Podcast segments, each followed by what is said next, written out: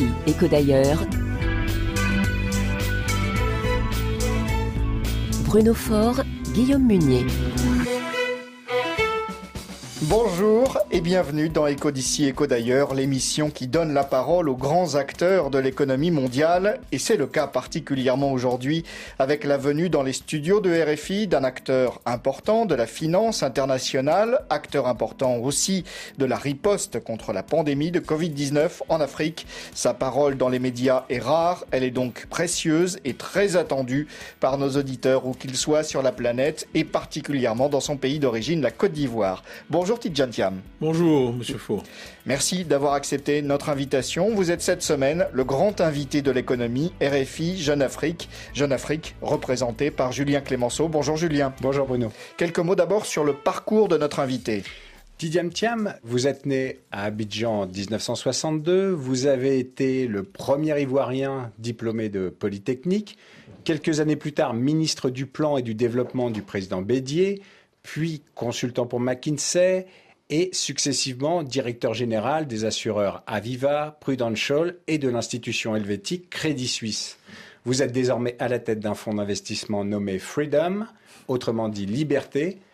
Votre liberté, vous avez besoin de la retrouver? Tout d'abord, merci de me recevoir. Je suis très, très heureux d'être ici donc sur, sur RFI et d'échanger avec vous. La réponse à votre question est, oui.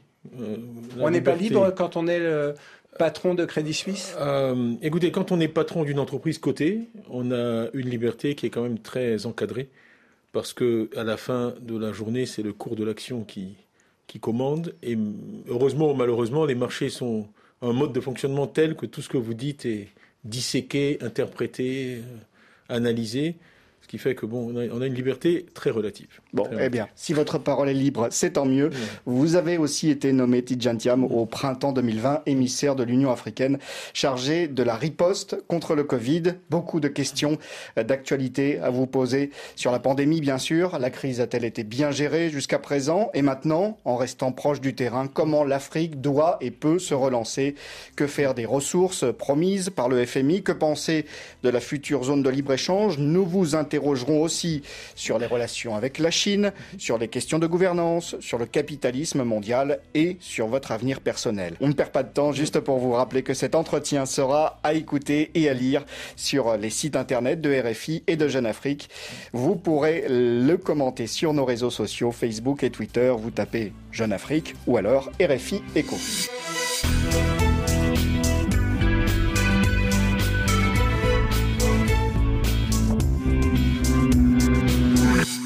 Première question, Tidiane Thiam, tristement d'actualité.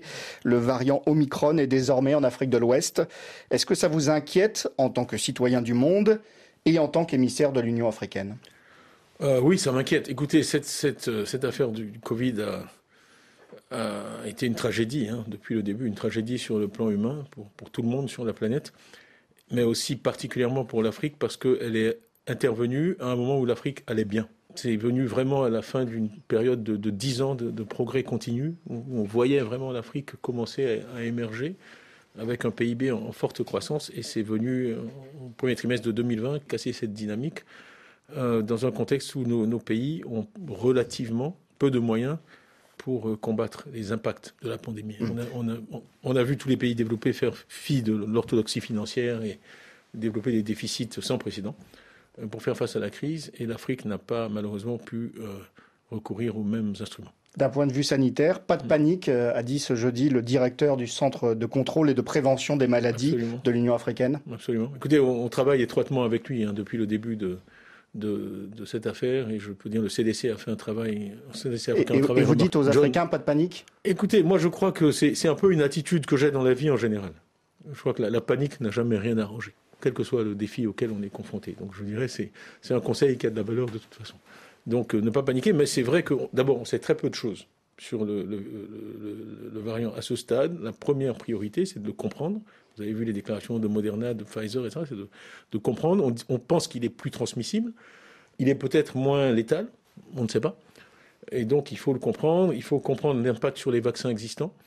Il faut comprendre est-ce qu'il faut développer un nouveau vaccin? Et puis, il y a de toute façon cette question de la vaccination en général qui, qui vraiment moi me chagrine parce que depuis le début on a, on a, on a souligné l'importance de la vaccination, on a bien vu son impact positif dans les pays développés et le fait qu'on n'arrive pas à, développer la vaccination, particulièrement en Afrique, est une double tragédie parce que, un, ça, ça, coûte des vies, et deux, ça permet à des variants d'apparaître. Moi et mes autres envahisseurs, il y a longtemps qu'on dit qu'il y aura d'autres variants, et Omicron ne sera pas le dernier, euh, ce qui est une menace de toutes les façons pour, pour tout le monde. Donc il faut espérer que cette alerte va, va, réveiller un peu les Julien Est-ce que vous êtes optimiste hmm. sur la, production de vaccins euh, sur le continent? C'est le, le, point que, que j'allais aborder directement après. Ça, c'est donc le, oui, oui. Je pense que le fait que BioNTech soit impliqué directement euh, donc le, la personne qui a découvert le vaccin, moi j'ai participé à quelques réunions, il y a une vraie volonté de développer une capacité de production du vaccin qui est, qui est en fait la, seule vraie réponse, parce qu'il est illusoire de penser qu'il va y avoir une générosité sur les vaccins.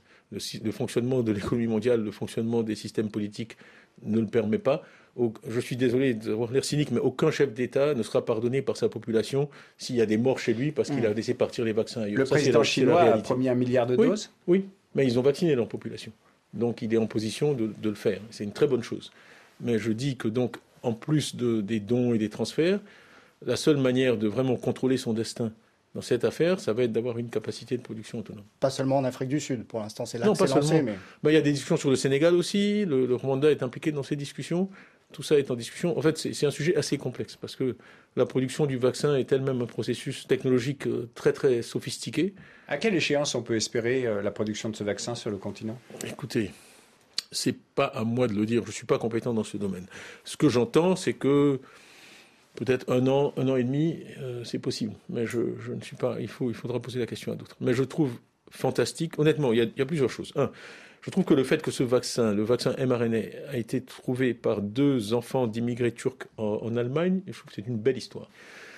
Il m'est arrivé parfois de dire qu'on devrait peut-être. Euh, enfin bref, réserver le vaccin à des gens qui ont peut-être une approche ouverte par rapport à. En tout cas en priorité, par rapport à une certaine immigration, parce que l'humanité entière profite du fait que ce docteur et son épouse soient en Allemagne. Ils ont fait quelque chose d'extraordinaire pour toute l'humanité. Ça, c'est un. Et deux, ils ont vraiment une volonté, parce qu'au lieu de prendre les milliards de dollars qu'ils ont gagnés et, d'en, profiter, à titre personnel, ils ont vraiment une volonté de faire quelque chose pour l'Afrique. Et ça, c'est, assez remarquable, je tiens à le souligner. Donc, dans tout ce pessimisme, il y a quelques lueurs d'espoir, en tout cas des raisons d'espérer. Après l'annonce de la découverte du variant mm. en Afrique du Sud, beaucoup de pays ont suspendu leur vol mm. avec l'Afrique australe. Mm. Le président sud-africain dénonce une double peine dont est victime son pays et la région tout entière. Est-ce qu'on pouvait faire autrement que de fermer les vols vers cette région? Il y a beaucoup de discussions sur ce point. Je pense qu'il faut saluer le, le sens des responsabilités des Sud-Africains. Vous voulez dire la transparence? Bien sûr. Le fait qu'ils aient identifié le variant et qu'ils l'aient fait savoir, c'est quelque chose de remarquable. Et ils ne sont pas naïfs, ils savent très bien que ça pouvait avoir des conséquences négatives sur eux-mêmes. Et le fait qu'ils n'aient pas laissé comme ça ce variant se répandre dans la nature avant de, le signaler à tout le monde, c'est quelque chose de positif, je pense, pour l'ensemble de la communauté internationale. Et il y a une réflexion à mener, parce que, comme je l'ai dit, il y aura d'autres situations comme cela, sur ce qu'on fait dans ces cas-là. Et ça, ça peut venir que d'un dialogue entre pays africains, pays développés, etc., pour définir quelques règles du jeu parce qu'il ne paraît pas très juste que l'Afrique du Sud a été punie pour s'être bien conduite. Tidjane Thiam, vous, vous, faites partie d'un groupe d'experts pour la gestion des conséquences de l'épidémie. Racontez-nous comment vous avez travaillé depuis euh, maintenant plus d'un an et demi. Mm. Quel bilan euh, vous en faites? Sur quel sujet vous êtes intervenu? Mm-hmm. Écoutez, ça a été une initiative, je pense, euh, vraiment intéressante de la part de l'Union africaine. C'est le président Ramaphosa lui-même qui nous a identifiés, qui nous a nommés. Moi, pour tout vous dire, j'étais en, en Suisse et j'ai eu un, texto demandant si j'étais prêt à parler au président Ramaphosa. Et c'est lui-même qui m'a appelé dimanche matin à 10h, demandant si je si j'accepterais cette mission. Je lui ai dit au passage, je n'ai pas rémunéré. Hein. Et j'ai demandé qui d'autre y avait impliqué. Donc il m'a dit euh, Ngozi. Alors Ngozi, moi je la connais depuis 1989, quand j'étais Young Professional à la Banque mondiale. Elle est apparue dans mon bureau un jour en disant voilà, moi je suis un peu la doyenne des Africains ici. donc on se connaît depuis longtemps. Donald Kaberuka, c'est pareil. Je l'ai connu quand il était ministre des Finances au, Rwanda. Strive Massiwia, je le connais aussi depuis plus de 20 ans. Donc ce qui était intéressant, c'est qu'ils ont rassemblé, je pense, des gens qui se connaissent bien, qui travaillent bien ensemble. Donc au départ, on a fait des, appels euh, quotidiens au minimum. Mhm. Et on avait aussi des, réunions quasiment hebdomadaires avec les principaux leaders de, l'Union africaine. On a tout de suite identifié quelques priorités. Euh, à l'époque, il n'y avait pas de vaccin. Donc la question, c'était les PPE. Hein obtenir des, équipements de protection pour les, soignants en particulier, en priorité, et puis ensuite euh, trouver de, ce qu'on appelait de l'espace euh, fiscal pour les gouvernements, pour qu'ils puissent intervenir. Donc, trouver des moyens, c'est ça? Oui, trouver des financements, trouver de, parce que en fait le choc économique initial était très lourd, les exportations se sont arrêtées. Beaucoup d'économies africaines sont complètement dépendantes des exportations. Les rémittances, euh, je sais pas comment dire en français, les, les, les, transferts des émigrés, les transferts, des émigrés qui sont, qui sont dans certains pays jusqu'à 18% du PIB se sont arrêtés. Ont été réduits. Ont été réduits. Non, mais surtout, ce sont parce que malheureusement, beaucoup d'Africains euh, émigrés ne sont pas dans des professions très qualifiées et ils ont été frappés de façon disproportionnée par la première vague de chômage. Donc il y avait une accumulation de, problèmes, un choc fiscal énorme, euh, récession immédiate pour les, économies. Et dans ces moments-là, il faut que l'État puisse intervenir. Donc la première chose qu'on a poussée, c'est cette idée de DSSI, de suspension des, paiements à court terme, parce que de toute façon, un certain nombre de pays développés l'avaient fait. Euh, la Chine a suspendu les paiements sur les, crédits hypothécaires très rapidement pour donner un peu de, aux gens de l'oxygène sur leur trésorerie. Donc on a, on a obtenu ça, ça a demandé beaucoup de travail.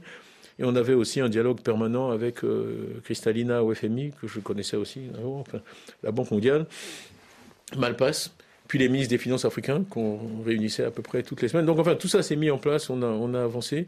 Et il y a eu aussi un travail dès le début sur le, traitement de la question de la dette, mhm. qui nous amène en fait à la discussion sur les droits de tirage spéciaux, etc. On va, y revenir. vous intéresse. On va y revenir un petit peu plus tard. On va se rendre dans un instant en Côte d'Ivoire. Euh, d'un mot d'abord, très rapidement. Que pensez-vous de, la manière dont les pays africains, les États ont géré la pandémie jusqu'à présent? Ah, Vous posez une question difficile. J'évite en général de faire des déclarations sur l'Afrique. Hmm. Parce que c'est un continent je vous dis, du Caire au Cap, vous volez pendant 10 à 11 heures. Vous volez 10 à 11 heures de Londres, vous êtes à Hong Kong. C'est l'exemple que j'utilise quand j'essaie de donner aux gens un peu une idée de la dimension du continent. Et vous, allez de New York à Los Angeles en 3 heures, 3 heures et demie. Difficile de généraliser. Voilà, vous allez de Dakar à, 10 en, 6 heures. Donc je, je suis relativement humble dans les, déclarations sur l'Afrique. Euh, je pense que dans l'ensemble, il y a une vraie prise de conscience je pense que les, chefs d'État ont fait preuve de, leadership. En tout cas, ça a été mon expérience. Ces, appels avec les, chefs d'État étaient, ils étaient toujours très bien informés, ils étaient toujours présents, ils étaient engagés personnellement. Bon, après, on travaille dans des environnements qui sont, comment dire ça? Moi, j'ai travaillé un peu dans les deux. Hein, et je, dis parfois que le, job le plus difficile que j'ai eu dans ma vie, c'était en Côte d'Ivoire. C'était pas d'être patron de Prudential ou de, ou de Crédit Suisse, parce que quand j'étais patron de Prudential, si j'appuyais sur un bouton, je savais ce qui allait se passer. Mm. On sait tous, quand on a travaillé en Afrique, que les choses sont un peu moins prévisibles. Donc il faut, je pense qu'il faut faire preuve d'humilité. Je crois que l'Afrique a, fait ce qu'elle pouvait. Il y a eu des confinements très durs. Les populations ont souffert. On fait preuve de beaucoup d'abnégation, de discipline, dans des conditions difficiles. Mais bon, c'est une affaire, euh, disons, un vrai, un vrai défi, un vrai défi pour le continent. Mais j'aimerais aussi qu'on parle un peu des, raisons d'espérer. Alors, on va d'abord. L'Afrique, et il y en a avant les raisons d'espérer, on va mm. d'abord entendre euh, le ressenti des mm. Africains. On va aller sur le marché de Cocody. Ah, que je connais bien. Dans votre pays d'origine, la Côte d'Ivoire. Je suis allé euh, mille fois. La crise sanitaire Il mm. y a laissé des traces, comme en témoigne ce reportage pour Éco d'ici, Éco d'ailleurs, de François Hume Ferkatadji. Chapeau sur la tête, le chef de la communauté Dan de Cocody attend son transport en commun. Il revient pour RFI sur les conséquences de la pandémie. Ça agit ici tout le monde, même les petits commerces tout était bloqué. Moi, je suis technicien bâtiment. À cause de Covid, même les travaux des bâtiments, tout était même arrêté. Donc, personnellement, j'ai fait au moins plus de six mois Moi, je ne travaillais même plus. La mairie lui a toutefois versé une indemnisation de 75 000 francs. Relais d'opinion, il a également tenu à se faire vacciner, une démarche encore minoritaire dans un pays où seulement 4,5% de la population est vaccinée. Et même si on dit à troisième dose aujourd'hui, pour pouvoir sauver la population, j'irai faire pour moi. Et ma famille aussi, on fait pour eux. La majorité des habitants de ce quartier, interrogés, déclarent cependant ne pas avoir reçu d'aide de l'État. Certains se sentent même victimes d'une grande machination. Selon ce réparateur de téléphone, le Covid n'existe pas. Les Ivoiriens, chez nous en Côte d'Ivoire, ici, on sait que le Covid, c'est un mythe. Actuellement, c'est le buzz. On nous fait fermer les magasins, on nous fait fermer nos, activités, on ne travaille pas. On a besoin d'argent. On est là, on est dans la fin. Déjà même que le pays est pauvre. Et puis encore, on ne travaille pas. Mais là, là c'est la mort qui arrive. Dans les allées du marché, tout le monde est d'accord pour affirmer que les prix des denrées alimentaires notamment ont explosé. Devant un étal de légumes et de poissons séchés, une acheteuse confie ses difficultés quotidiennes. Très compliqué. Parce que tout a augmenté. Hein. Tout a augmenté, le lait, le sucre, même la viande. Écoutant ce témoignage, les badauds sont nombreux à réagir hors micro.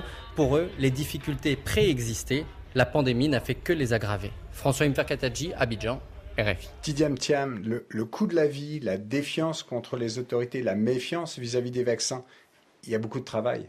C'est moins qu'on puisse dire. Euh, je pense que le, constat qui est fait à la fin du reportage est, exact. Bon, prenons les uns après les autres. La, méfiance, je pense que ce n'est pas une exclusivité africaine. On a, vu partout dans le monde que le discours des, dirigeants et des élites est fortement remis en, remis en question. Donc il y a un gros travail à faire d'explication, euh, ça c'est sûr. Euh, le fait qu'il y avait des difficultés préexistantes, oui, absolument. Euh, et mon, commentaire, je dis juste quand même, j'ai beaucoup de compatriotes, je suis sûr, qui vont écouter cette interview. J'ai toujours évité de. Peut-être il y a un côté gaulien chez moi, mais de, parler de mon pays de l'étranger. Je pense que c'est pas très correct. Mmh. Donc prenez mes commentaires comme des commentaires sur la situation africaine en général. Je, je ne destine pas, en tant qu'Ivoirien, mes commentaires à la Côte d'Ivoire depuis Paris. Donc euh, il y avait des difficultés antérieures dans beaucoup de pays africains qui ont été exacerbées par le Covid. Donc oui, il y, a, du travail. Mais en même temps, écoutez, moi, ma vision de, l'économie, ça a toujours été un peu la, même. Hein. Je crois que ce qui compte, c'est, contrairement d'ailleurs à des vues très répandues en, Afrique. Si je voulais être provocateur, on dit souvent, oui, ce pays est riche parce qu'il a beaucoup de, matières premières. Pour moi, un pays riche, c'est un pays qui a du capital intellectuel. La compétition économique mondiale est une compétition pour le capital intellectuel. Tout le reste, c'est secondaire. Euh, des matières premières dans votre sous-sol que vous, dont, vous ne maîtrisez pas la technologie qui est nécessaire pour les extraire n'ont absolument aucune valeur. Donc le, euh, premier secteur dans lequel investir, c'est celui de l'éducation. Voilà. Moi, ma, pauvre mère disait toujours, euh, investis dans ta tête, c'est la seule chose qui ira partout avec toi. Et si jamais on vous sépare, eh ben, plus rien n'aura vraiment d'importance. Parce qu'elle avait un sens de l'humour extraordinaire. Donc les biens, on peut vous les prendre, les maisons, les voitures, les bijoux. Euh, ce qu'il y a sous votre crâne, ça vous appartient, vous l'emportez partout avec vous. Donc vraiment, regardez les premières économies du monde par la taille. C'est quoi? C'est les USA, la Chine, le Japon, l'Allemagne, la plus grosse. Vous ne pouvez pas imaginer de sociétés organisées de façon plus différente. Sociologie, système politique. Donc, jamais je ne dirais qu'il y a une recette pour le succès. En revanche, il y a des points communs entre ceux qui réussissent.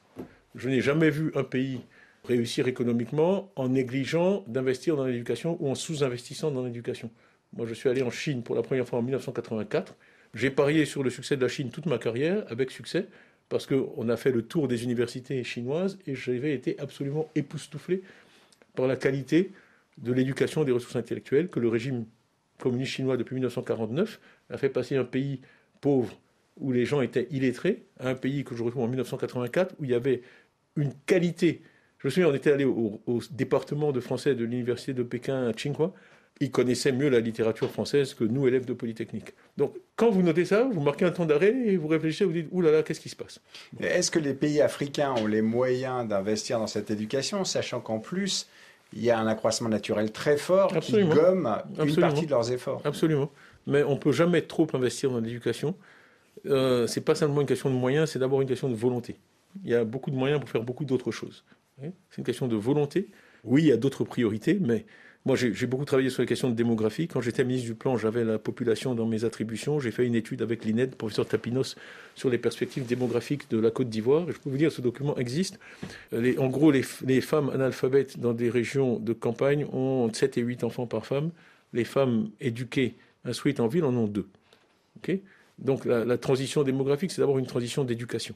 Donc la, démographie africaine, ce n'est pas une fatalité, Il n'y a absolument, et vous pouvez superposer ces courbes à travers les cultures. J'avais des gens qui me disaient Oui, mais toi, tu es occidentalisé, tu viens nous amener tes histoires de McKinsey en Afrique. J'ai fait un sondage, on a demandé aux Ivoiriennes combien d'enfants vous avez, combien d'enfants vous en voudriez.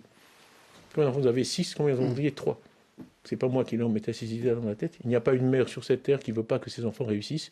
Il n'y a pas une mère qui souhaite que ses enfants meurent de maladies infantiles. Il n'y a pas une mère qui ne veut pas que ses enfants aient une vie heureuse et, harmonieuse. Donc, euh, sur la démographie, euh, c'est un faux problème. C'est un symptôme. si on n'investit pas dans l'éducation des filles, si on ne leur donne pas des opportunités, on a un problème démographique. On a vu en Tunisie, on a vu dans d'autres pays, il n'y a rien de spécifiquement africain là-dedans. Vous observerez d'ailleurs que la Chine, après 49, s'est beaucoup focalisée sur cette question et a maîtrisé sa démographie. Donc, de, manière assez autoritaire. J'ai dit, vous avez des systèmes, les États-Unis et la Chine, c'est des systèmes diamétralement opposés. Bon, moi, je ne me permets pas de juger ce que d'autres cultures font. Chaque système doit trouver ses moyens et ses modes d'organisation pour. Moi, je dis toujours, l'économie mondiale est simple. Moi, j'aime bien le marché parce que le marché, il est à peu près juste. Il vous dit voilà, vous pouvez fabriquer une chaise, il faut qu'elle coûte 5 dollars ou moins. Ça, c'est le prix du marché mondial. Après ça, est-ce que vous arrêtez le vendredi parce que vous êtes musulman ou le dimanche parce que vous êtes catholique? Est-ce que vous travaillez en 3-8 Est-ce que vous travaillez par équipe? C'est votre problème. Donnez-moi la chaise à 5 dollars. Et le Japon a sa manière de le faire, l'Allemagne a sa manière de le faire, l'Italie a sa manière de le faire. Il faut que chaque pays trouve ses modes d'organisation qui sont cohérents avec sa propre culture et ses traditions pour arriver aux 5 dollars. Ce qu'on ne peut pas faire, c'est dire oui, parce qu'on est africain, il faut que ce soit 6 mmh. dollars. Alors, au-delà, ça, ça marche pas au-delà de, ces questions d'éducation, de démographie, mmh. ces, recettes mmh. pour, réussir à l'avenir, dans l'immédiat, mmh. combien de temps l'Afrique va-t-elle devoir attendre pour bénéficier des, droits de tirage spéciaux du Fonds monétaire international? Ils sont censés euh, débloquer d'importantes ressources pour les pays africains. J'étais dans une réunion lundi où j'ai posé la même question. donc, Vous avez eu la euh, réponse? euh, Écoutez, la réponse, c'est qu'il y, a plusieurs volets. il y a ce qu'on appelle le PRGT qui est prêt. Donc la, réponse, c'est bientôt, mais je n'ai pas une réponse précise à vous donner. Cette question, on la pose tous. Hein. J'ai le ministre des Finances sénégalais, le ministre des Finances du Congo qui disait la même chose. Je peux vous dire seulement que tout le monde travaille d'arrache-pied pour que ce soit le plus rapidement possible. Et, c'est quelle somme est concernée? C'est 30 milliards C'est à peu près 33, oui. 33 milliards à peu près. 33 milliards. Oui, absolument. Ce qui est, écoutez, on souhaite toujours plus. Hein. il y a des idées pour avoir plus, mais même ces 33 milliards-là de dollars à l'échelle de l'Afrique feront, une différence. Vous l'évoquiez euh, précédemment, mm. une fois n'est pas coutume, les États semblent avoir privilégié la, coopération et la concertation plutôt que la compétition mm. pour réagir au mm. Covid. Est-ce que ça augure d'une méthode différente pour d'autres euh, projets futurs? Écoutez, moi je, souris parce que pour moi tout ça, c'est vraiment le, on touche les dividendes des investissements qu'on a fait dans l'éducation.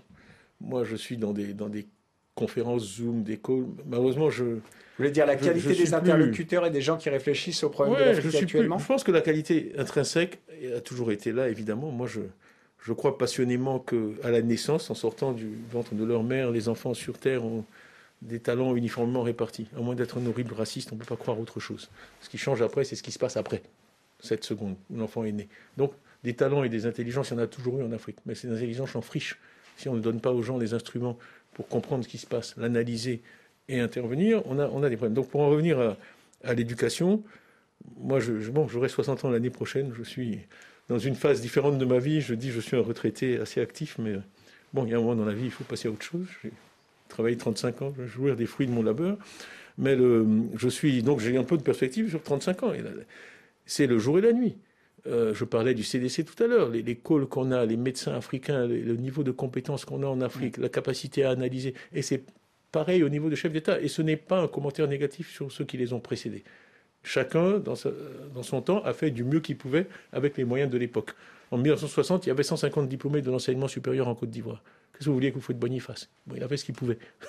Bon, aujourd'hui, on est en 2021, il y en a un peu plus. Alors, pour prendre un cas concret, par exemple, la, zone économique de libre-échange africaine, est-ce que vous pensez qu'elle va être mise en place et qu'il va y avoir une coopération pour que ce projet aboutisse?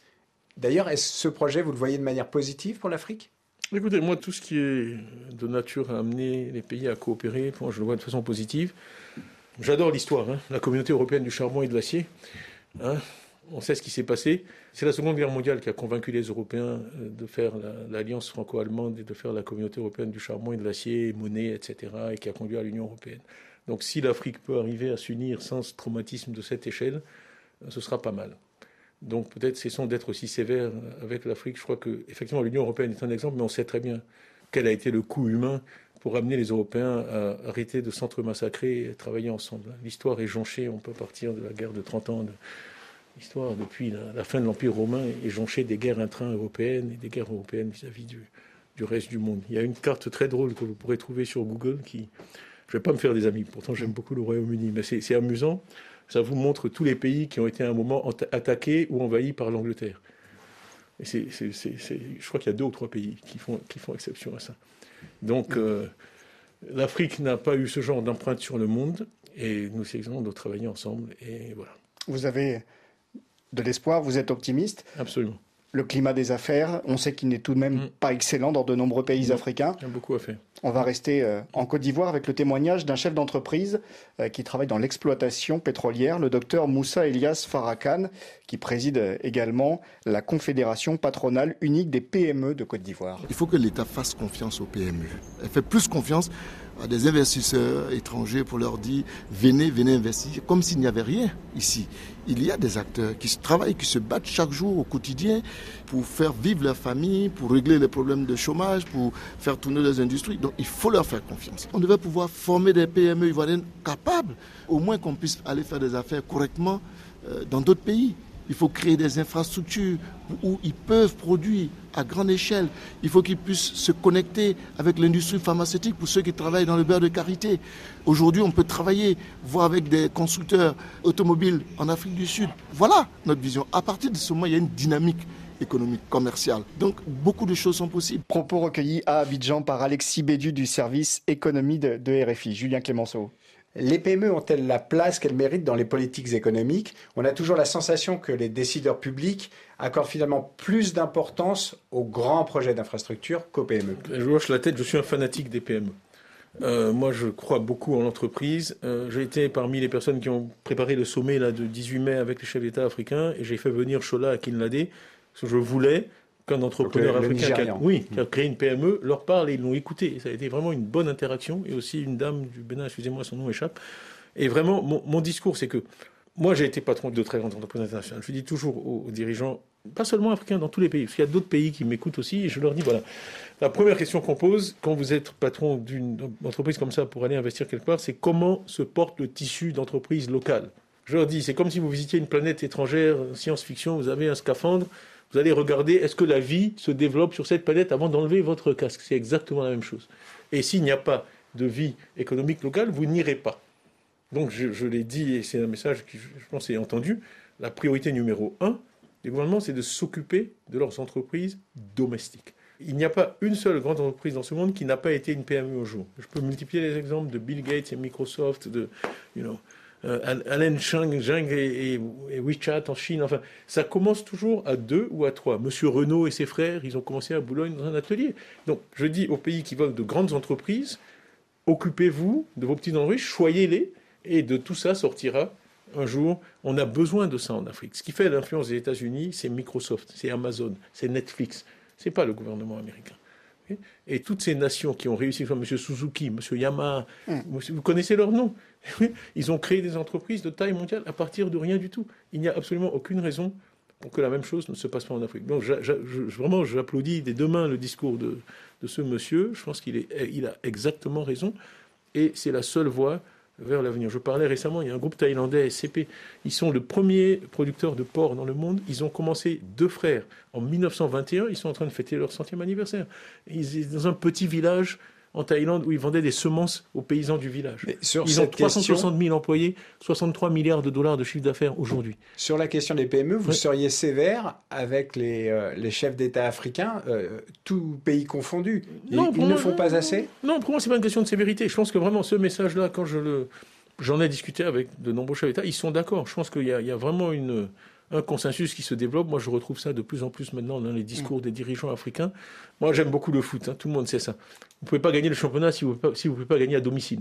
Quand je suis allé chez Crédit Suisse, j'ai dit il faut qu'on se devienne la première banque en Suisse. Ça s'appelle Crédit Suisse. Personne ne nous fera confiance si on ne peut pas gagner en Suisse. Et on a gagné en Suisse. On a été désigné avant que je parte meilleure banque de Suisse. On a passé UBS en Suisse. Donc, c'est une logique que j'applique à tous les domaines. Si on veut réussir à l'international, il faut d'abord prouver que là où on est le plus avantagé, c'est-à-dire chez soi, on est capable de gagner. Soutenez les, petites entreprises. C'est le message de Tidjan Thiam, qui est le, grand invité de l'économie RFI Jeune Afrique. Je l'interroge avec Julien Clémenceau. Encore beaucoup de sujets à aborder, à commencer par la relation Chine-Afrique. Écho d'ici, écho d'ailleurs, sur RFI. La coopération entre la Chine et l'Afrique est une coopération dynamique, voulue et acceptée par l'ensemble de nos États et partagée aussi par nos peuples respectifs. Quelques mots de la chef de la diplomatie sénégalaise, Aïssata Talsal, pour clore il y a quelques jours à Dakar le FOCAC, le Forum Chine-Afrique. Tidiane est-ce que la réalité est aussi belle? Est-ce que les dirigeants et les peuples n'ont pas évolué dans la, dans la perception de, la relation avec la Chine en réalisant que Pékin n'est peut-être pas la, solution à tous les problèmes? Écoutez, la désillusion euh, vis-à-vis de la Chine, ça existe ou pas? Non, je voyais que j'hésite à répondre parce que c'est une question complexe. 15 euh, 000 milliards de dollars de PIB pour la Chine, 15 000 pour l'Union européenne. Donc en gros, la Chine est de la taille de l'Union européenne, 29 900 pour les États-Unis, donc deux fois. Ça met un peu les choses en perspective. Quoi qu'on fasse, la Chine est un acteur absolument incontournable dans l'économie mondiale. Euh, la Chine, qui est aussi très stratégique a décidé de cibler l'Afrique. Vous savez, bon, les échanges sont passés de quasiment zéro en 2000 à 200 milliards de dollars et quelques aujourd'hui. Premier partenaire commercial de, de l'Afrique. On dit ça dépend comment on mesure, mais on dit alors que l'Inde est le deuxième. Donc l'Asie est déjà de très loin euh, premier partenaire commercial maintenant de, de l'Afrique. Donc à la limite, la question de est-ce qu'il faut qu'on traite, elle, elle, a déjà été tranchée. Donc la question, c'est vraiment les modalités, euh, c'est le comment. Comment, comment est-ce que ça se fait? On voit aussi que les, promesses qui étaient mm. très importantes lors du FOCAC de 2018 avec 60 mm-hmm. euh, milliards de, promesses au départ, mm-hmm. là on est sur 10 milliards. Il y a aussi euh, un contexte et puis il y a eu des exécutions qui ont été difficiles mm-hmm. parce que cet argent, ces 60 milliards, ils n'ont pas été décaissés. Écoutez, tout le monde apprend, même les Chinois. Euh, je crois que les puissances occidentales ont beaucoup appris en Afrique. Vous voulez qu'on fasse le catalogue des politiques mal orienté des échecs de la coopération bilatérale ou multilatérale en Afrique, on n'aura pas assez de cette émission. Donc c'est facile de pointer du doigt euh, euh, la Chine aujourd'hui. La Chine est dans un processus d'apprentissage. Évidemment, personne n'arrive en sachant tout. moi, ce que j'observe chez eux, c'est qu'ils sont flexibles. D'abord, l'accord qu'on a trouvé sur la dette, on ne l'aurait pas obtenu sans la Chine. Tout a été débloqué en août 2020. Moi, je sais, j'étais impliqué au G20. Tout dépendait de la Chine. et ils ont, ils ont accepté, ce qui était un geste politique, financier et diplomatique majeur. Bon, et depuis, ça a permis, bon, ça va doucement, mais il y a le Tchad qui est engagé là-dedans, il y a l'Éthiopie qui arrive, etc. Bon, l'Angola va venir, on est en train d'avancer sur ce sujet. La Chine s'est engagée de façon très très positive. Je crois que le point de fond, c'est que la volonté de la Chine d'être un acteur important en Afrique est une orientation de long terme de la politique chinoise. Ce que j'admire, moi, dans la manière dont les Chinois gèrent leurs affaires, c'est qu'ils disent toujours ce qu'ils vont faire et ils font ce qu'ils disent. Toujours, toutes les promesses sont tenues? Personne. Toujours et mm. tout, et ce sont des mots dangereux. Mm.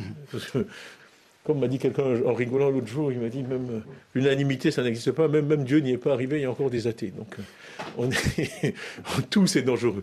Quand les gens m'interrogent sur la Chine, je dis, mais lisez ce qu'ils ont dit au 38e congrès, vous lisez, prenez à peine le temps de vous asseoir, de lire ce qu'ils disent, et leur diagnostic en général est sans complaisance. Hein. ils disent, par exemple, le système de santé en Chine n'est pas assez bon. ok les gens épargnent trop, parce que c'est une épargne de précaution parce que les hôpitaux sont très mauvais. Il faut donc améliorer euh, l'accès aux hôpitaux, il faut améliorer ce que font les hôpitaux. Voici les dix mesures qu'on va prendre, et puis voici le plan, et puis voici comment on va faire. Donc moi, ça me donne confiance. J'aime la, manière dont ils font les choses, c'est une approche qui est rationnelle. Je dis bien, c'est une des choses que vraiment je note à chaque fois, les diagnostics sont sans complaisance. Sur la dette, ils ont compris que la manière dont ils s'y sont pris, beaucoup ont été très surpris que la Chine dise, OK, d'accord, on va, on va restructurer aussi. Parce que jusque-là, ils n'avaient jamais accepté de, de revenir sur la manière dont la dette a été mise en place. net, net, personne n'est parfait. Moi, je crois dans la compétition. Euh, j'ai fait la route Bondoukou-Bouna en Côte d'Ivoire avec une entreprise chinoise. C'est une route qu'on avait promise depuis l'indépendance qui n'avait jamais été faite. On avait les taux de scolarisation des filles les plus bas en Côte d'Ivoire. On n'arrivait jamais à maintenir le personnel. Quand vous envoyez des instituteurs ou des infirmières dans un endroit, il faut qu'ils puissent vivre là-bas. Et en moyenne, les gens restaient trois mois, quatre mois et retournaient à Abidjan. De toute façon, la route était trop difficile. Donc ça, ça a été un élément majeur de développement du, Nord-Est. Donc avoir des choix dans le financement, les sources de financement des projets, ça ne peut être que bon pour les pays africains. Donc l'arrivée de la Chine sur la scène a été net-net positif pour les pays africains. Vous avez commencé à aborder la question de, la dette des pays africains, Julien Clemenceau. Beaucoup d'observateurs du continent utilisent le niveau d'endettement des pays comme un indicateur de bonne santé de leurs économies. Quand ils dépassent à certains niveaux, 60, 70%, 80% du PIB, alors ces économies seraient malades. Vous partagez cette analyse? Moi, je pense qu'il y a beaucoup trop de focalisation sur la dette et pas assez sur la croissance. Euh, la dette, c'est ni bon ni mauvais, tout dépend de ce qu'on en fait. La dette pour consommer, c'est mauvais. La dette pour investir, c'est bon. Euh, et je. C'est vraiment. Euh, il y a beaucoup de choses à dire sur ce sujet. Il y a, d'abord un sujet de mobilisation des ressources internes. Euh, bon, une des choses que je discute actuellement, c'est quelque chose que le Mexique a fait, que le, que le, on n'a pas parlé de digital jusqu'ici, que le, que le Brésil a fait. Oui, qui, vraiment la technologie nous donne les moyens de faire des choses qui, qui, étaient complètement inenvisageables. Au Mexique, ils ont ce qu'on appelle le, e-invoicing et ils ont digitalisé leurs taxes. Chaque, chaque mois, il y a 8 milliards de factures qui sont saisies dans, un, dans une base de données gérée par le gouvernement. Le point, c'est que quand vous prenez un Uber, il a, une app et il peut, vous faire une facture euh, qui ira sur votre téléphone quand vous descendez de, l'Uber. Donc toutes les factures de toutes les transactions sont, sont, entreposées et ça boucle ça réduit la fraude fiscale au Mexique de 60%. Donc je dis au ministre des Finances, vous avez un moyen d'augmenter les revenus de l'État sans augmenter les impôts. Hmm. Oui bon, il y, a beaucoup de choses que la technologie aujourd'hui permet de faire. Le Bénin est en train de mettre en place ce système. Le Maroc regarde, l'Afrique du Sud regarde, et d'autres pays en Afrique. Donc ça a été révolutionnaire en Amérique latine, vraiment, ça ouvre euh, un, tas de possibilités. Donc il y, a, vraiment un effort à faire sur les ressources internes. Il y a un deuxième sujet qui, moi, et toujours me tient à cœur parce que je l'ai fait en Asie, qui est juste d'utiliser la démographie de façon positive, en mettant en place des systèmes de retraite euh, adaptés. C'est ce que je faisais chez Prudential. Parce que si vous regardez ce que le, les compagnies d'assurance vie ont fait, en Angleterre en particulier, une des différences entre l'Angleterre économique et la France, c'est que l'Angleterre a accès à du capital long capital patient, qui sont suivis des fonds de retraite. la maladie du capitalisme français, c'est l'absence de fonds propres. c'est l'excès d'endettement. Quand vous n'avez pas de fonds propres, vous vous endettez. La dette, c'est l'ennemi de la bonne santé des petites entreprises, des jeunes entreprises. Donc, par exemple, euh, au Vietnam, j'ai fait ça, en Indonésie, j'ai fait ça. Si on arrive à collecter l'épargne de tous ces gens-là, même par raison de utiliser les, etc. les retraites des fonctionnaires, Bien par sûr. exemple, pour j'ai Fait, j'ai fait la clôture du troisième pont Riviera Marguerite avec le fonds de pension de l'armée ivoirienne. Je suis allé voir le général Koulibaly, qui avait à l'époque été mis au garage. Et il a le PCA d'Air Côte d'Ivoire. Il a mis. Oui, il, était, je, sais, il était à l'époque à la tête du fonds de retraite militaire et il m'a donné 15 milliards. Et c'est comme ça que je, CFA, et c'est comme ça que j'ai fait le bouclage du, du truc. Donc, l'avantage des, fonds de retraite, c'est que c'est la, la, source d'investissement prioritaire pour les projets à long terme. C'est absolument ce à quoi vous pouvez adosser des projets d'infrastructure, avec en plus pas de risque de change, parce que les retraites sont payées en CFA. Donc au lieu d'aller prendre de la dette, euh, je sais pas quelle monnaie qu'on aurait dû rembourser, on a pu dérisquer le projet en faisant ça. Donc il y, a vraiment beaucoup à faire pour moderniser le système financier, pour avoir une capacité de mobilisation de l'épargne locale qui est, qui est réelle, et pour vraiment orienter la réflexion vers l'investissement productif, les PME, et ne pas obséder sur la dette bilatérale et multilatérale. Euh, le problème de toutes ces histoires, c'est que le. Comment dire ça? Je dis toujours le capital est frileux. Euh, euh, et les restructurations, etc., ça ne c'est très difficile. C'est très difficile. Imaginez même dans votre vie personnelle. si le tort revient, revient à qui? Le tort, c'est les agences de notation qui focalisent les, les esprits? Comment on fait pour ne plus, plus de stratégie économique C'est plus un problème de stratégie économique. Il faut que le discours euh, parle de l'autre côté de l'équation qui est la croissance. La dette, je parlais à David Rubinstein hier, il me disait, je, le cite, mais je n'ai pas vérifié les chiffres, il disait, quand il était à la Maison Blanche en 1974, la dette américaine était de 5 milliards de dollars, elle est de 29 000 milliards de dollars maintenant. Et personne ne, refuse d'acheter des treasury bills. C'est la crédibilité, la solvabilité de l'emprunteur qui importe plus que le stock de la dette. Hum. Les gens sont, obsédés par ces questions de dette. Pour moi, c'est une erreur d'analyse et une erreur de diagnostic. Si, les, fournisseurs de capital ne croient pas en votre capacité à croître, évidemment, la dette devient automatiquement un problème. Donc, euh, le danger, en revanche, sur cette histoire d'endettement, c'est que dans les pays développés, c'est que c'est encore une autre. On n'a pas parlé d'inflation, dans tout ça, on a parlé de la hausse des prix, hein, mais ça si vous regardez l'équation à laquelle ils sont confrontés, qu'est-ce qu'ils peuvent faire? Ils peuvent augmenter les impôts. Et puis après l'émission de dette qu'on a vue, ils ne vont pas le faire. Ils peuvent réduire les dépenses. Ils ne vont pas le faire. Euh, ils peuvent augmenter les taux d'intérêt. Ils ne vont pas le faire. Regardez ce qui se passe au niveau des, des banques centrales. Donc qu'est-ce qui vous reste? L'inflation. C'est le, seul, le seul outil politiquement viable de sortie de la situation d'endettement euh, qui, qui, qui, existe. Et moi, je dis toujours, l'inflation, c'est juste une taxe sur les pauvres. C'est ça, ce sont les ménages qui vont supporter cette, ces, hausses des prix. Et, ça va durer plus longtemps que ce qu'on imaginait il y a quelques mois. Voilà. Vous parliez de la digitalisation mm. euh, tout à l'heure comme, comme d'une solution. Est-ce que pour ce qui concerne l'Afrique, ça mm. peut accélérer le, développement du continent en sautant des étapes? Absolument. Moi, je me suis battu avec d'autres en 95 quand on privatisait, les, qu'on créait les mobiles en Côte d'Ivoire. La Banque mondiale s'était opposée au fait qu'on mette des licences de mobiles dans la, dans la privatisation, en disant que les gens étaient analphabètes, qui ne sauraient pas téléphoner. Et j'ai dit, ouais, bah, c'est vrai peut-être.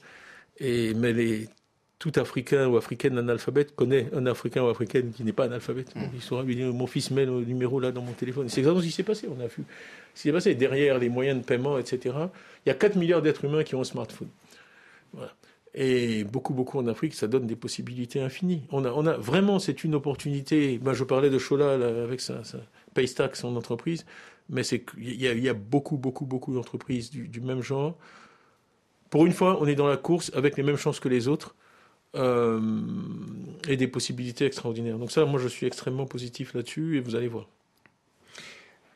Pour, pour la euh, santé aussi d'ailleurs, c'est encore un autre sujet. La, pour la, technologie euh, pour développer le. Pour la, santé, à distance, etc., c'est extraordinaire. Parce qu'on forme un médecin à prix d'or, il est à Abidjan. Le jour où je peux lui mettre sa consultation sur l'écran à Korogo, c'est pas mal quand même au lieu de faire 8. Les États-Unis font ça aujourd'hui. Au lieu de faire 8 consultations par jour, il en fait 20. Il a, augmenté la productivité du système, ça coûte moins cher. Enfin, bon, j'arrête parce que je veux pas. Je sais que vous avez d'autres questions. Quel est votre rôle en Rwanda? Vous êtes le président du conseil d'administration de Rwanda Finance Limited.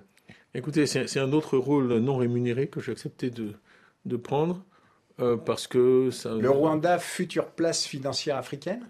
Il y en aura plus d'une, hein. dans une stratégie de, développement. Chaque pays, comme j'ai dit plusieurs fois, doit jouer, doit regarder ses forces, ses faiblesses, ses avantages comparatifs et essayer de, jouer dessus. Le Rwanda a un certain nombre d'avantages et je pense une stratégie qui est assez explicite, qui est probablement à, comparer à celle de Singapour ou de la Suisse. La gestion d'un petit pays, c'est une proposition complètement différente de celle de la gestion des grands pays. La Suisse n'est pas la France, la France n'est pas la Suisse. Et donc l'idée de dire qu'ils vont se concentrer sur les services, notamment financiers, c'est une bonne idée. Donc mon rôle, c'est juste de les aider à travers des contacts, etc., mmh. à, développer euh, leur place financière, mais pour le bénéfice du Rwanda, certes, mais aussi de la sous-région et puis bon, de l'Afrique en général. Parmi les, problèmes de l'Afrique, euh, il y a l'omniprésence de, l'économie informelle. Je voudrais que l'on écoute quelques mots d'un grand patron, mm. Mossadegh Bali, que vous connaissez mm. certainement, qui est le, patron, le PDG de la chaîne hôtelière Azalai, qui est omniprésente en Afrique de l'Ouest. Le fait que nos économies soient informelles n'est que la conséquence de quelque chose. Et ce quelque chose-là, c'est une administration euh, prédatrice, des impôts très mal répartis. Et, donc, euh, oui, effectivement, les gens ils se disent, bah, tant que je peux être en dessous des radars, pourquoi me formaliser? Parce que le jour où je suis formalisé, c'est tout le monde qui me tombe dessus. L'État est toujours à la recherche de recettes fiscales et il ne va chercher les recettes fiscales que chez les entreprises et les entrepreneurs qui ont fait le pari d'être dans le secteur formel. Il faudrait que l'État élargisse la base. Et pour élargir la base, il faut une fiscalité allégée, qu'elle ne soit pas confiscatoire. Il ne faut pas mille et une procédures. Parce que chaque fois qu'il y a une procédure, il y a une tentation de corruption. Mossadegh Bali, euh, interrogé par Olivier Roger, votre réaction, Tidiane Thiam, trop de formalités? Il faut trouver des gens avec qui je ne suis pas d'accord. Je suis entièrement d'accord avec, avec lui. Je n'aime vraiment pas ce terme informel, parce que c'est péjoratif. Hmm. Moi, j'ai un grand respect pour le travail, le travail de, de l'être humain. La personne qui est cordonnier à Trècheville et qui fait des chaussures, je refuse de l'appeler informel. C'est un chef d'entreprise, c'est un entrepreneur qui crée des emplois et qui travaille tous les jours pour ses clients. Donc il faut arrêter avec cette histoire d'informel. Ça, c'est un. Deux, le fait qu'il ne paye pas d'impôts éventuellement, effectivement, ce monsieur, je pense, a, raison. C'est un problème pour l'État. On a parlé déjà plusieurs fois de comment mobiliser les ressources, euh, rendre le système plus transparent. Plus. Vous parliez du taux d'endettement. Moi, mon, mon, mon, système de mesure des, des, pays et des gouvernements, c'est la, la volonté, l'acceptation de l'impôt. C'est la manière de voter la plus explicite, la plus efficace que les êtres humains ont trouvée. Moi, j'adore le fait que les États-Unis aient été créés sur une révolte fiscale. Taxation sans représentation n'est que tyrannie. Donc, si le citoyen a confiance dans l'État, si l'agent économique a confiance dans l'État, et pense que cet argent va être bien utilisé, il va payer l'impôt. C'est la question de la, bonne gouvernance aussi. Vraiment, et elle ne se pose pas qu'en Afrique d'ailleurs. Hein. Alors, moi, j'invite les bailleurs, au lieu de se préoccuper de est-ce que les gens mettent un petit bulletin dans une urne tous les cinq ans, dans des élections trafiquées, de regarder est-ce que les citoyens dans différents pays acceptent de payer l'impôt ou pas. Ça, c'est une vraie mesure de la performance d'un État. Donc là, on peut répondre. La, pression euh, fiscale, elle est très faible en Afrique et les gens ne paient pas l'impôt. Je vous laisse la, responsabilité. Moi, j'ai énoncé un principe. Après, vous pouvez l'appliquer et en tirer des conclusions. Mais je, crois profondément dans ce que j'ai dit. Et je ne dis pas ça depuis aujourd'hui. Je disais ça quand j'étais au gouvernement en Côte d'Ivoire. Ce pas des idées que j'ai adoptées hier. Je, réfléchis beaucoup à tout ça. Regardez en Angleterre comment le Parlement approuve la liste royale chaque année. Le, cœur de la démocratie, c'est l'impôt. La fonction la plus noble que le Parlement a, c'est de prélever l'impôt et de décider de comment cet impôt va être utilisé dans une Donc vous, vous êtes favorable aux impôts? Non, je suis pas favorable aux impôts. Je dis, je suis favorable à ce que les États utilisent bien les impôts, mais bien sûr qu'il y en ait le minimum. Ah, je ne prône pas du tout, et je suis d'accord avec ce monsieur, il faut élargir l'assiette, mais se comporter de telle manière en tant qu'État que les gens soient contents. Si les gens se disent, mon fils ou ma fille va dans une école publique qui est pas loin de chez moi. Il marche sur une route qui est pas loin de chez moi grâce à mes impôts. Il a un professeur qui est payé par mes impôts et tout ça marche bien et il va bien réussir dans la vie, mais ils vont payer l'impôt. Moi, je ne crois pas que les gens sont malfaisants ou, ou mal orientés. En général, leur comportement, c'est la conséquence de leur évaluation de l'environnement dans lequel ils se trouvent. Fin 99, vous êtes en Côte d'Ivoire, vous êtes ministre et le coup d'État du général Gay vous contraint à quitter votre pays ça reste pour vous une profonde blessure. Qu'est-ce que vous ressentez aujourd'hui quand vous voyez les coups d'État euh, au Mali, en Guinée, au Soudan? Quelle analyse vous faites de ces épisodes et est-ce que vous n'avez pas l'impression que l'Afrique recule? Hmm.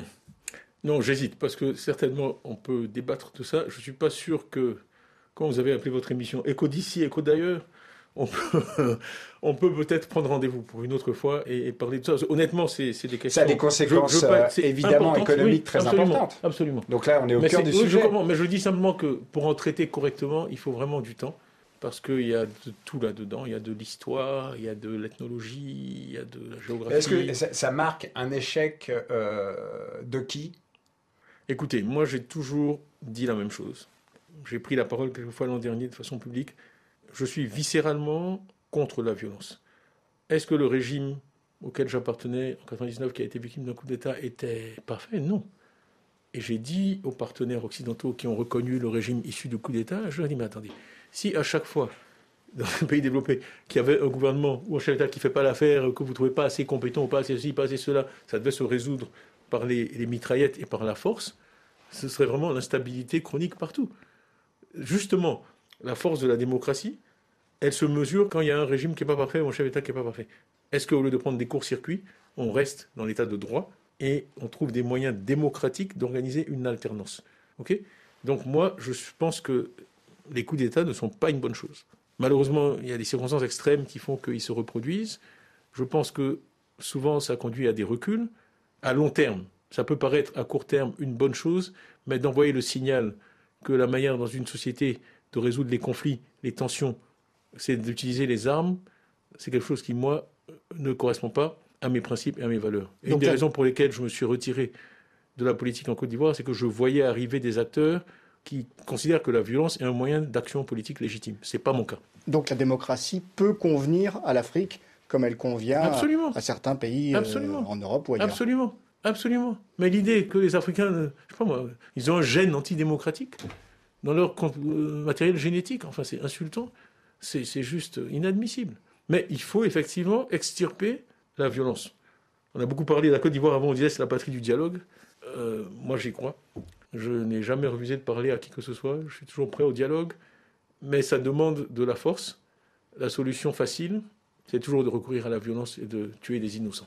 L'année dernière, le président français, Emmanuel Macron, vous a sondé pour entrer au gouvernement français en tant que ministre de l'économie. Pourquoi est-ce que vous avez refusé? Non, non, non, je ne sais pas, je peux pas dire ça. Moi, de toute façon, la seule chose que j'ai dite sur tout ça, c'est que je ne commenterai jamais des entretiens ou des échanges qui peuvent avoir eu lieu entre le président de la République française et, moi-même, et j'ai été élevé dans cette tradition et je, m'y confirme. Mon, père a servi le président Oufoué pendant 47 jusqu'à fin 2009, ça fait, ça fait beaucoup, ça fait 50 ans. Il n'a jamais écrit une seule ligne et il m'a dit Est-ce que faire pas d'ambition en France Est-ce que faire de la politique en France, c'est quelque chose qui ne vous intéresse pas? Non, non, écoutez, je suis venu ici pour vraiment parler de l'économie africaine. Je vous ai dit, je suis un retraité, un retraité très actif. Et mais vous avez parlé de liberté aussi. Très, oui, mais je suis très occupé. Je suis très content de ce que je fais. Je fais des choses qui me plaisent, qui m'intéressent, qui, je pense, auront un impact positif, que ça aille du sport à la jeunesse, à l'éducation. Il y, a quand même, on est obligé de vous poser la question de l'échéance de 2025 en Côte d'Ivoire. En Côte d'Ivoire, vous êtes attendu. Vous avez des supporters, vous leur parlez via les réseaux sociaux. Est-ce que l'élection présidentielle de 2025 en Côte d'Ivoire vous intéresse? Le président Ouattara, a priori, ne se représentera pas. Écoutez, moi je suis très attaché à la Côte d'Ivoire. Je suis vraiment en contact, comme vous l'avez souligné, quotidien. Avant de venir ici, j'écoutais des messages que m'ont envoyé des, gens en Côte d'Ivoire. Je suis en contact avec des gens dans toutes les couches de la société, dans toutes les, zones de la Côte d'Ivoire. Euh, je serai toujours attaché. J'ai toujours fait tout ce que je pouvais pendant ma carrière pour aider mon pays natal, comme vous avez dit. Je continuerai très attaché à ce qui touche aux, aux Ivoiriens. La seule les seules circonstances dans lesquelles j'ai pris la parole l'an dernier, c'est quand j'ai eu le sentiment qu'il y aurait des vies humaines, des pertes de vie humaines. C'est la seule chose qui m'a fait sortir de, ma, de mon silence. Mais ça, c'est un combat que je n'abandonnerai jamais. Je ne tolère pas la violence, je n'aime pas la violence. C'est moralement condamnable et en plus, ça ne marche pas. Donc vraiment, il n'y a pas d'excuse. Voilà, ça, c'est mon combat. Euh, le reste, je fais ce que je peux dans la sphère, ma sphère de compétences, qui est l'économie, les affaires, etc., pour faire avancer les choses. Certains disent que vous allez prochainement rentrer en Côte d'Ivoire pour y jouer un rôle politique majeur. J'ai compris la question la première fois et je vais mmh, répondre. Tout, ça. c'est vous qui avez peur de patience. Non, non, je plaisante. Non, écoutez, reposez-moi la question en 2025. Donc c'est pas un non. Reposez-moi la question en 2025. Est-ce que le, la, politique française en Afrique vous paraît être la bonne? On voit qu'il y a une défiance importante, la présence militaire euh, française au Sahel pose des questions la France a aussi une présence économique avec de nombreux groupes euh, actifs en Afrique depuis, on, va dire depuis toujours. Qu'est-ce que vous pensez de la, politique africaine de la France? Moi, je resterai au niveau des principes. Je crois que ce que j'ai dit sur l'Afrique est, clair. Euh, L'Afrique a des capacités intellectuelles, humaines, réelles. Ce qu'il faut faire quand on veut traiter avec l'Afrique, c'est écouter les Africains. Il faut écouter les Africains et voir comment on peut les aider à atteindre les objectifs qui se sont eux-mêmes fixés. Je dirais la même chose à la Chine ou à la France ou aux États-Unis ou à n'importe quel acteur qui souhaite jouer un rôle en, Afrique. Mais c'est vrai aussi pour un acteur qui veut jouer un rôle aux États-Unis.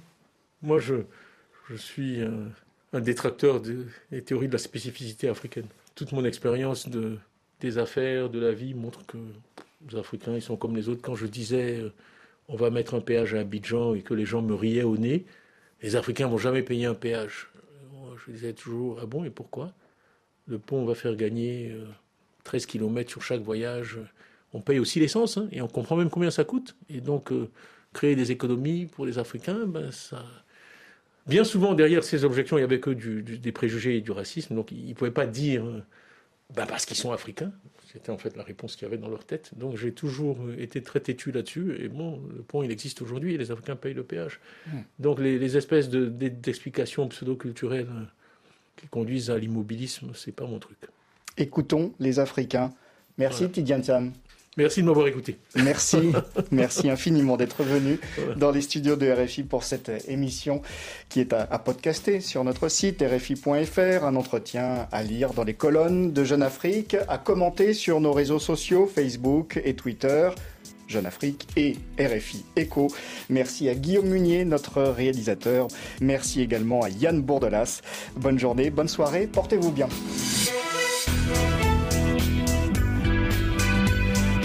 Écho d'ici, écho d'ailleurs, sur RFI.